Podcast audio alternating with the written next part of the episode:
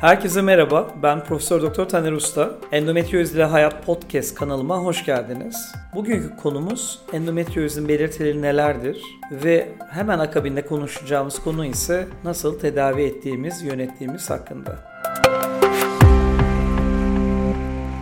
Endometrioz her zaman belirti verir mi? Biz diğer soruyla devam edeyim söyleşiye. Aslında her zaman belirti vermiyor. Bazen bakıyorsunuz sürpriz bir şekilde hiç şikayet olmayan bir kadının muayenesinde kocaman bir yumurtalıkta çikolata kisi görebiliyorsunuz. Dolayısıyla her zaman belirtiyi beklersek birçok hastada tanıya çok daha geç koyabiliyoruz. Peki belirti veren hastalarda hangi belirtileri görüyorsunuz diye sorarsanız tipik olarak adet dönemiyle ilintili olan şikayetler e, göz önündedir. Bunlardan bir tanesi çok tipik adet sırasında kasık bölgesinde tek taraflı veya çift taraflı sıklıkla kasıktan aşağıya uzanmayan, devam etmeyen ağrıların görülmesidir. Bu ağrılar adet dönemiyle sınırlı olabileceği gibi adet bitmesine rağmen devamında da azalarak devam edebilir. Yani tüm ay boyunca da o ağrı bir kronik pelvik ağrı şeklinde gerçekleşebilir. Bir diğer şikayet bu hastalarda çok gene tipik olarak adet zamanında büyük tuvalete gittikleri zaman makat bölgesinde ağrı hissetmeleridir. Bu ağrı o kişilerin hayatını çok hafif veya çok ağır bir şekilde etkileyebilir. Çok ağır bir şekilde etkilediği zaman o kişiler menstruasyonda tuvalete gitmek istemezler. Hatta katı veya dışkı çıkaracak gıdalardan bile kaçınabilirler ki bu durumda özellikle bağırsak endometriyozisi, rektum dediğimiz bölgede endometriyozis aklımıza gelmelidir. İdrar yaparken yanma şikayeti daha az görülen ama karşımıza çıkabilecek olan şikayetlerden bir tanesidir. Bir gene çok altı çizilmesi gereken cinsel ilişkiye girdikleri zaman bu hastalar makat bölgesine vuran ağrılardan da çok şikayetçi olabilirler. Bu ağrı, cinsel ilişki sırasındaki ağrı her durumda değil bazı özel durumlarda daha fazla bu kişilerin karşılarına çıkabilir. Bunun sebebi endometrioz özellikle rahmi asan bağları çok daha sıklıkla tutmaktadır. Bu bağları zorlayan her pozisyon o kişinin hayatını kabusa çevirebilir. Fakat altı çizilmesi gereken çok önemli nokta bu şikayetlerin her biri o hastada olmak zorunda değildir. Bir veya birden fazlası aynı anda olabileceği gibi hiçbir şikayet aynı anda olmayabilir. Bir diğer belirtileri gene e, bahsetmek istediğim nokta tipik pelvis bölgesi dediğimiz yani leğen kemiğinin içindeki endometriozda bunlar gözükürken pelvisin dışındaki formlarda farklı şikayetler karşımıza çıkar. Sezaryen yerindeki endometriozda çok tipik olarak her ay kadınlar menstruasyon zamanında o bölgede ele gelen şişlik şeklinde bir ağrılı lezyonu tanımlarlar. Ve bu ağrılı lezyon her ay o bölgede adet döneminde belirginleşir. Bazen cildi tutar. Cildi tuttuğu zaman çok böyle mavi siyah gibi bir renkle karşımıza çıkabilir veya derin dokuları tutarak o dokularda derinlerde ağrı yapabilir. Derin dokuları tuttuğu zaman ise maalesef çok daha tanı geç olarak e, konmaktadır. Bir diğer endometrioz formu burnun içerisinde endometriozun yerleşmesidir. Çok tipik olarak adet döneminde burundan kanamanın gelmesi yani adetle ilişkili semptomun olması sık olarak bu durumda gözükmektedir. Diyaframı tutan endometrioziste yani akciğerle karın boşluğunu ayıran kas ve fibrotik tabakanın endometrioz tutulması sonucu çok tipik olarak bu hastalar sağ omuzda ağrıyla karşımıza gelmektedirler. Endometrioz tabi gördüğünüz gibi birden fazla yeri ve çok farklı yerleri tutabilmektedir. Siyetik siniri tuttuğu zaman kalçada ağrı, bu ağrının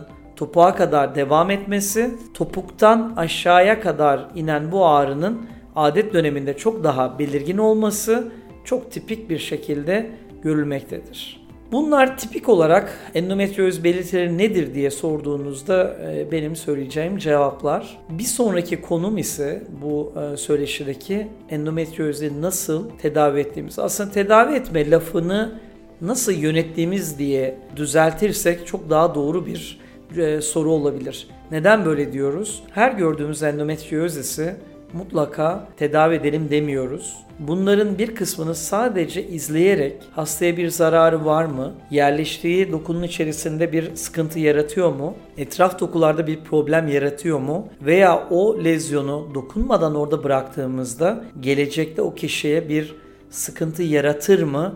Bunları mutlaka sorgulayarak o hastalığı yönetmek gerekiyor. Oradaki endometriozu yönetmek gerekiyor. Bu konuşmanın sonunda size bugün gördüğüm bir hastadan da bahsederek biraz daha e, iyi anlamanızı sağlamaya çalışacağım. E, tedavi temel olarak aslında ilaçla tedavi ve cerrahi tedavi diye ikiye ayırabiliriz. Az önceki hiç dokunmadan sadece izlerim dediğimiz durumu bir kenara koyarsak. İlaçla tedavide günümüzde özellikle progesteronlar, doğum kontrol hapları, hipotalamus hipofiz aksında etkili olan yalancı menopoz iğneleri. Bu yalancı menopozla ilgili ilaçların henüz ülkemizde yok. Amerika Birleşik Devletleri ve Avrupa'daki bazı ülkelerde var.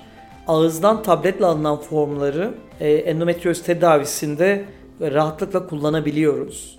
Bunlara cevap vermeyen grupta veyahut da cerrahi tedavi yapmazsak o kişinin e, sağlığıyla ilgili sıkıntı yaratabilecek durumlarda cerrahi tedaviden faydalanıyoruz. Cerrahi tedavide günümüzde tipik olarak yaklaşım şeklimiz kapalı cerrahiler. Bunlar keyhole surgery diye tanımlanıyor dünyada. Ne demek bu? Küçük delikten giriyoruz minik deliklerden. O deliklerden girdiğimizde içerideki görüntüyü kocaman bir ekrana yansıtıyoruz. İster bu robot, ister bu laparoskopi olsun ve bir sanki mikroskop altında küçük dokuda e, etkiler yaratarak oradaki hastalıklı dokuyu içeriden temizleyip dışarıya alıyor ve patolojiye gönderiyoruz. Buradaki en önemli nokta endometriozun bir yapışıklıkla giden fibrozis diyoruz buna tıptaki tanımlama ama Türkçe'ye yapışıklık diye e, tanımlayabiliriz, söyleyebiliriz. Ne demek bu?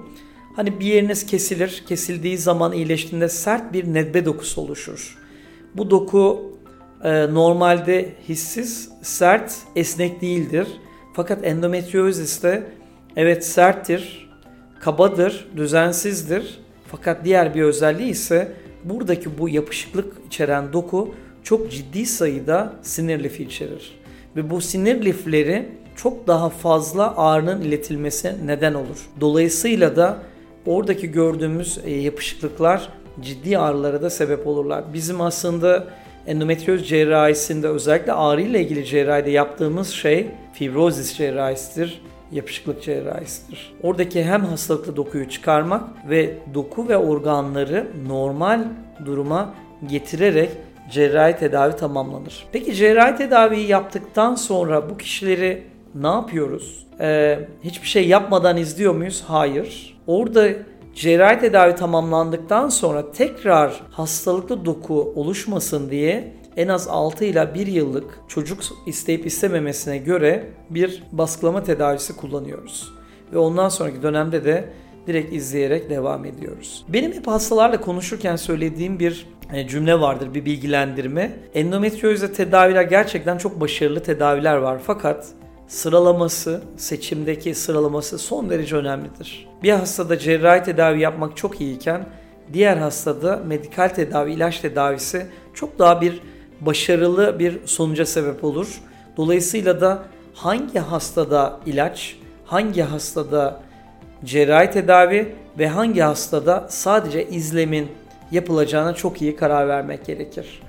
Özellikle de bu durum çocuk isteği olan durumda ki bu hastaların çoğu çok genç yaştaki kadınlardır. 25-30'lu yaşlardaki kadınlar çok daha önem arz etmektedir. Ee, oradaki hem hastalık oraya e, sıkıntı yaratır, rezervi azaltır ama bir taraftan hastalıklı doku orada rezervi azaltırken yaptığımız cerrahide rezervi azaltabilir. Dolayısıyla burada ona karar vererek e, bu tedavi planlamak gerekir. Bugün gördüğüm hastalardan bir tanesi tanı konuyor, endometrioz deniyor, çikolata kisti var. Hastanın ağrısı sadece adet dönemiyle sınırlı ama hastada ilave bir endometriotik doku yok, yapışıklık yok, bağırsak endometriozi yok ve muayenesi normal, günlük hayatını etkilemiyor. Ve bu hastada çok ciddi baskılayıcı bir tedavi başlanmış. Böyle bir hastada mutlaka baskılama tedavisine başlamak gerekmiyor.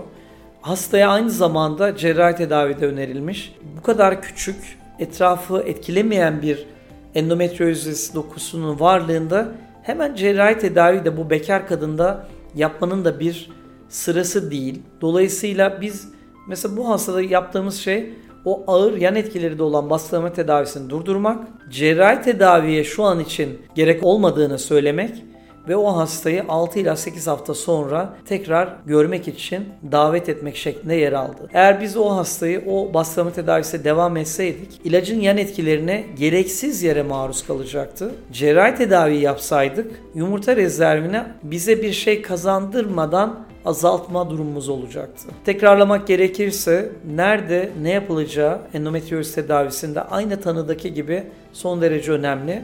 Bunları çok iyi bir şekilde belirlediğimiz zaman o kadının hayatını aslında o kadar da e, kötü etkilemiyor. Evet önemli noktaları vurguluyoruz fakat bu önemli noktalar başımıza sıkıntılar gelmesin diye vurguladığımız noktalar olarak hastalığın gidişatında yer alıyor. Hepinize dinlediğiniz için çok teşekkür ederim.